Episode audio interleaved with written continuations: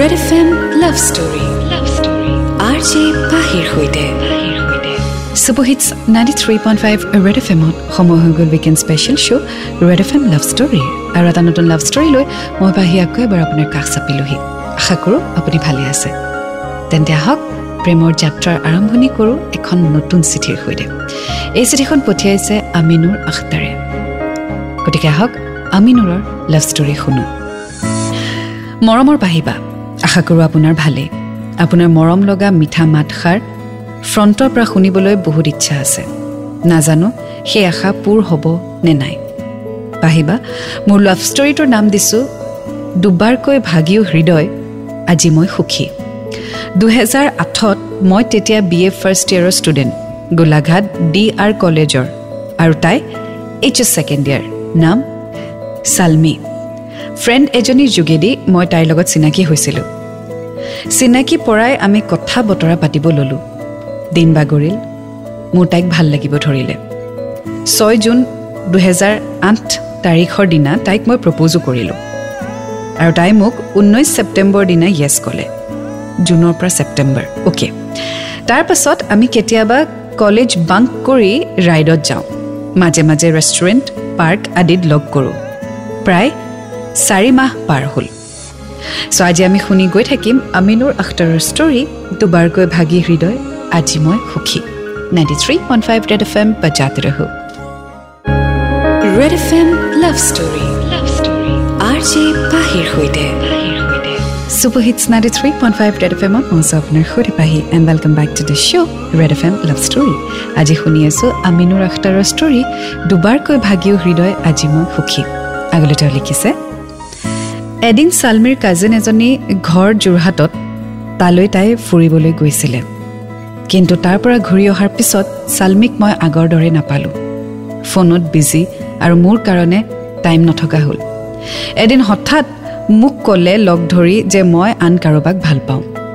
মই চকুৰ পানীৰে বাট নেদেখা হ'লোঁ। বহুত চেষ্টা কৰিলোঁ বাট তাইক ঘূৰাই আনিব নোৱাৰিলোঁ। পাহিবা মোৰ জীৱনৰ সকলো কথা মোৰ চাইল্ডহুড ফ্ৰেণ্ডৰ সৈতে শ্বেয়াৰ কৰোঁ। তাইৰ নাম জেচমিন তাই মোক বহুত বুজালে। মোৰ মন বেয়া লাগে বুলি মোৰ ঘৰত আহি ধেমালি কৰি হহুৱাই ফুৰিবলৈও চেষ্টা কৰে। এবছৰ হ'ল। লাহে লাহে মই ছালমিক পাহৰিলোঁ। এনেতে এদিন হঠাৎ জেচমিনে ক'লে তাই মোক বহুত ভাল পায়। মোৰো তাইক ভাল লগা হ'ল। সেইকাৰণে ময়ো দেৰি নকৰি তাইক আই লাভ ইউ টু বুলি ক'লোঁ। জীৱনৰ দ্বিতীয়টো ভালপোৱা। মই আকৌ এবাৰ শান্তি পোৱা যেন লাগিলে। ভাবিলোঁ জেচমিনৰ লগত মোৰ কেতিয়াও ব্ৰেকআপ নহয়। কিন্তু আমাৰ ঘৰৰ লগতে ওচৰৰ সকলো মানুহে আমাক ভাল ফ্ৰেণ্ড বুলিহে জানে। ওৱান ইয়েৰ আমাৰ ৰিলেশ্যনশ্বিপ হাঁহি ধেমালিৰে পাৰ হ'ল। চ' প্ৰথমবাৰ ব্ৰেকআপৰ পিছত ছেকেণ্ড টাইম আকৌ এবাৰ আমিনুৰ ৰিলেশ্যনশ্বিপত সোমালে but this time with his best friend Jasmine তো আগলৈ কি হয় জানিবলৈ অকণমান অপেক্ষা কৰক and ninety three point five Red F M বজাতে ৰহো Red F M love story love story R J পাহিৰ সৈতে welcome back and super hits ninety three point five Red F এমত মই আছোঁ আপোনাৰ সৈতে পাহি শুনি আছে আপুনি weekend special show' Red F M love story আজি শুনি আছোঁ আমিনুৰ আখতাৰৰ ষ্টৰী দুবাৰকৈ ভাগী হৃদয় আজিও মই সুখী। আগলৈ লিখিছে ছাডেনলি এটা খবৰ আহিল তাইৰ মাকে হেনো ল'ৰা এজন ঠিক কৰিছে। দুয়োটাই ঘৰত ক'ব নোৱাৰিলোঁ। যিহেতু আমি পঢ়ি আছোঁ। ভয় লাগে। তাই মোক কৈছিলে আমি পলাই যাওঁ বুলি বাট তেতিয়া আমি বি এ ফাইনেল ইয়েৰত পঢ়ি আছোঁ। পৰীক্ষালৈ ছমাহ বাকী হাতত টকাও নাই। আৰু আহি পালে সেই কাল অমানিশা দিনটো তাইৰ বিয়া। বিয়াত ময়ো আছোঁ। দৰাৰ ঘৰৰ মানুহক শুশ্ৰূষা কৰিছোঁ বুকুত একুৰা জুই লৈ। তাইৰ চকুত মাথো চকু পানী। চ' আকৌ এবাৰ আমিনুৰৰ হাৰ্ট ব্ৰেক হ'ল বিকজ তেওঁ প্ৰত্যেকবাৰ ভুল মানুহক নিজৰ হাৰ্টটো দিয়ে। চ' আগলৈ কি হয়? শুনি থাকক। Ninety three point five Red F M বজাতে ৰহো। Red F M love story love story R J পাহিৰ সৈতে। Super hits ninety three point five Red F এমত মই আছোঁ আপোনাৰ সৈতে Pahi and welcome back to the show' weekend special Red F M love story আজি শুনি আছোঁ আমিনুৰ আখতাৰৰ ষ্টৰী দুবাৰকৈ ভাগিও হৃদয় আজি মই সুখী। আগলৈ তেওঁ লিখিছে পাহিবা নিজৰ ভালপোৱা ছোৱালীজনীৰ বিয়াত থাকি আনৰ হৈ যোৱা দেখা পাই মোৰ কি অৱস্থা হৈছিল মই হয়তো আপোনাক শব্দৰে বুজাব নোৱাৰিম। ক'বলৈ একো ভাষা নাছিলে। পাহিবা আকৌ এবাৰ বেয়াকৈ আঘাত পালোঁ। বিয়াৰ পাছত তাই মোক মাজে সময়ে খবৰ লয়। কিন্তু মই কথা পতা বন্ধ কৰি দিলোঁ। ভাবিলোঁ কথা পাতিলে তাইৰো মনটো বেয়া লাগিব আৰু ময়ো আগবাঢ়িব নোৱাৰিম। ঘৰ পালোঁ। এবছৰৰ পাছত তাইৰ এটা ল'ৰাও হ'ল। ময়ো B A second class pass কৰিলোঁ। তাৰ পাছত পাপাৰ বিজনেছত সহায় কৰিলোঁ। প্ৰেম ভালপোৱা এইবোৰৰ পৰা দূৰত থাকিবলৈ ল'লোঁ। লাহে লাহে বিজনেছ গ্ৰ' কৰিলে। কামতো বিজি হৈ পৰিলোঁ। এনেকৈ ছটা বছৰ পাৰ হ'ল। স্বামীনুৰৰ দুবাৰ হাৰ্ট ব্ৰেক হ'ল এণ্ড দেন ছিক্স ইয়েৰ্ছ তেওঁ উইদাউট ৰিলেশ্যনশ্বিপ আছে। এটা চেবাটিকেল লৈছে। আৰু এইটোৱে বেষ্ট ডিচিশ্যন যেতিয়া আপুনি এটা ৰিলেশ্যনশ্বিপৰ পৰা অভাৰকাম কৰে তেতিয়া এটলিষ্ট নিজকে সময় দিব লাগে। এদিন দুদিন এমাহ ছমাহ নহয়। ভালেখিনি সময় ল'ব লাগে যেতিয়া আপুনি ইমানখিনি মেচিয়ৰ্ড হৈ যায় যে আপুনি উইদাউট লাভ ছাৰ্ভাইভ কৰিব পাৰে। উইদাউট হেজিটেশ্যন ছাৰ্ভাইভ কৰিব পাৰে। আৰু আজি আমিনুৰে ছটা বছৰ without love without anybody without any weakness তেওঁ অতিক্ৰম কৰিলে। আৰু লাইফত ছাকচেছো হৈছে। চ' আগলৈ কি হয় জানিবলৈ অপেক্ষা কৰক and ninety three point five Red F M বজাতে ৰহ। Red F M love story love story R J পাহিৰ সৈতে। Super hits ninety three point five Red F এমত মই আপোনাৰ সৈতে পাহি। শুনি আছে আপুনি weekend special show' Red F M love story আজি শুনি আছোঁ আমিনুৰ আখতাৰৰ ষ্টৰী দুবাৰকৈ ভাগিও হৃদয় আজি মই সুখী। আগলৈ তেওঁ লিখিছে দুহেজাৰ ওঠৰ ফ'ৰ্থ এপ্ৰিল ৰাতি হোৱাৰ আগত মই এফ বিটো অ'পেন কৰি চেট অপশ্যনত দেখা পালোঁ শ্বাহিন আখতাৰ নামৰ এজনী ছোৱালী। মই প্ৰফাইল নোচোৱাকৈয়ে হাই বুলি টেক্সট কৰিলোঁ। ৰিপ্লাইও আহিল। ইণ্ট্ৰডিউচ হৈ গম পালোঁ তাইৰ ঘৰ গুৱাহাটী আৰু হেণ্ডিক গাৰ্লছ কলেজত পঢ়ে। মই ভাবিলোঁ গুৱাহাটীৰ ছোৱালী তাতে সন্দিকৈ কলেজৰ ছোৱালী বুলি। সকলোতে আগবঢ়া। ৰাতি প্ৰফাইলটো খুলি চাই দেখিলোঁ খুব মডাৰ্ণ মোক কেতিয়াও পাত্তা নিদিব। শুই থাকিলোঁ। পাছদিনা আকৌ ৰাতি টেক্সট কৰিলোঁ। তাইও ৰিপ্লাই দিলে। প্ৰায় ওৱান উইক পাৰ হৈ গ'ল। আমি ফোন নম্বৰৰ মাজতে শ্বেয়াৰ কৰিলোঁ। চ' আমিনুৰৰ লাইফত আন এগৰাকী ছোৱালীৰ এণ্ট্ৰি হ'ল আৰু সেয়া হৈছে শ্বাহিন আখতাৰ। চ' আগলৈ কি হয় জানিবলৈ অকণমান অপেক্ষা কৰক and ninety three point five Red F M বজাতে ৰহো Red F M love story love story R J পাহিৰ সৈতে। Welcome back and super hits ninety three point five Red F এমত মই স্বপ্নৰ সৈতে পাহি। শ্ব' চলি আছে Red F M love story আজি শুনি আছোঁ আমিনুৰৰ ষ্টৰী দুবাৰকৈ ভাগিও হৃদয় আজি মই সুখী।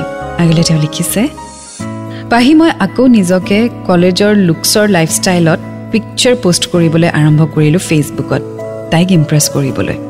ফাইনেলি আমি লগ পোৱাৰ সিদ্ধান্ত ল'লোঁ। ষোল্ল জুলাই দুহেজাৰ ওঠৰত মই তাইক এছ কেট শ্ৰদ্ধাঞ্জলি কাননত লগ কৰিলোঁ। পাহিবা ফটোত দেখাত তাই যিমান ধুনীয়া তাতোকৈ ৰিয়েলিটিত আৰু বেছি ধুনীয়া। মাত্ৰ বিছ মিনিট সময় লগ পালোঁ। অহা সময়ত এটা চকলেট দি মই ঘূৰি আহিলোঁ। ৰাতি ঘৰলৈ উভতি আহিলোঁ। লগ পোৱাৰ পাছত আৰু ভাল লগা হ'ল। ফাইনেলি মই তাইক প্ৰপ'জো কৰিলোঁ। তাইৰ মোমায়েকৰ ঘৰ যোৰহাটত আছিলে। কিন্তু তাইৰ মামীয়েকৰ ঘৰ গোলাঘাটত। চ' তাৰ দুদিন পিছতেই তাই গোলাঘাট আহিলে। চ' যদিও শ্বাহিন থাকে গুৱাহাটীত আৰু আমিনুৰ থাকে গোলাঘাটত কিন্তু শ্বাহিনৰ ফেমিলি মেম্বাৰ্ছৰ ঘৰ গোলাঘাটতে। চামহাউৰ ৰিলেটিভ গোলাঘাটত থাকে। আৰু সেইবাবে তাই প্ৰপ'জ কৰাৰ কেইদিনমান পিছতেই গোলাঘাটলৈ আহিলে।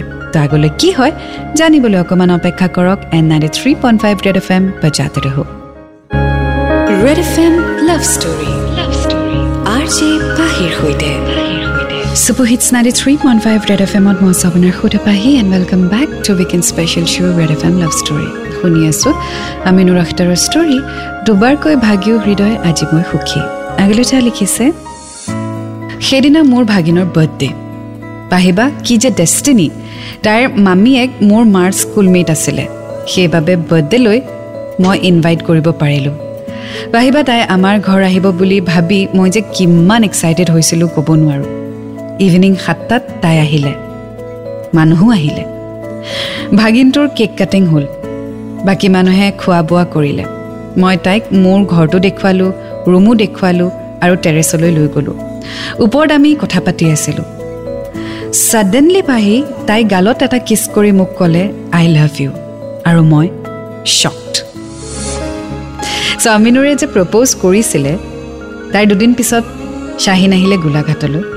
আমিনুৰৰ ভাগিনৰ বাৰ্থডেত শ্বাহিনকো ইনভাইট কৰিলে শ্বাহিন আহিলে আৰু সেই বাৰ্থডে দিনাখনেই আমিনুৰৰ প্ৰপ'জেল শ্বাহিনে একচেপ্টো কৰিলে। And this is the third time after six years Aminur is in love এইবাৰ বাৰু আমিনুৰৰ লাভ ছাকচেছফুল হ'বনে? ফাইনেলি তেওঁ দ্য ওৱান বিচাৰি পালেনে? জানিবলৈ অপেক্ষা কৰক। And ninety three point five Red F M বজাতে ৰহো Red F M love story love story R J পাহিৰ সৈতে super hits ninety three point five Red F M and welcome back to the show' Red F M love story মই আছোঁ আপোনাৰ সৈতে পাহি। আগলৈ আমিনুৰে লিখিছে। যোৱা সময়ত মোক হাঁহি এটা মাৰি বাই বুলি মাত লগালে শ্বাহিনে। পাহিবা এইবাৰ মই আৰু দেৰি নকৰি ঘৰৰ মানুহক কথাবোৰ ক'লোঁ আৰু চিধা তাইৰ ঘৰতো গ'লোঁ আমাৰ সম্পৰ্কৰ কথা ক'বলৈ। দুয়োখন ঘৰে আমাৰ ৰিলেশ্যনশ্বিপত এগ্ৰী কৰিলে। পাহিবা ছিক্সটিন ছেপ্টেম্বৰ টু থাউজেণ্ড এইটিনত আমি বিবাহ বন্ধনত সোমালোঁ। এতিয়া আমি অতি সুখৰ মাজেৰে দুটা বছৰ অতিক্ৰম কৰিলোঁ। দোৱা কৰিব আগন্তুক দিনবোৰো যাতে আৰু সুখৰ হয় আৰু আপোনাৰ নিচিনা মিঠা সুৰৰ এজনী ছোৱালী আমাৰ মাজলৈ আহে আৰু আমাক আৰু সুখী কৰি তোলে। অৱশেষত পাহিবা আৰু সকলো ৰেড এফ এমৰ কৰ্মকৰ্তালৈ মোৰ অশেষ ধন্যবাদ থাকিল আমাক এনেকুৱা এটা প্লেটফৰ্ম দাঙি ধৰাৰ বাবে। ইতি আপোনাৰ মৰমৰ শুভাকাংক্ষী Aminur Akhtar. Aminur thank you so' much for sharing your story and I wish you all the best and also' congratulations finally you have made the right one so' I wish you all the best and yes আপোনালোকৰ জীৱনলৈ অতি সোনকালে blessings ৰূপে কোনোবা যাতে আহে। So' I wish you all the best and thank you so' much for sharing your story এয়া আছিলে আমিনুৰ আখতাৰৰ দুবাৰকৈ ভাগিও হৃদয় আজি মই সুখী। তেওঁৰ লাভ ষ্টৰী এতিয়া মই বাহিৰে বিদায় লৈছোঁ এটা নতুন ষ্টৰীৰ সৈতে আকৌ লগ পাম। Until then to fall in love it's a great feeling you will get to learn a lot and do always remember that I love you ninety three point five Red F M বজাতে ৰহোঁ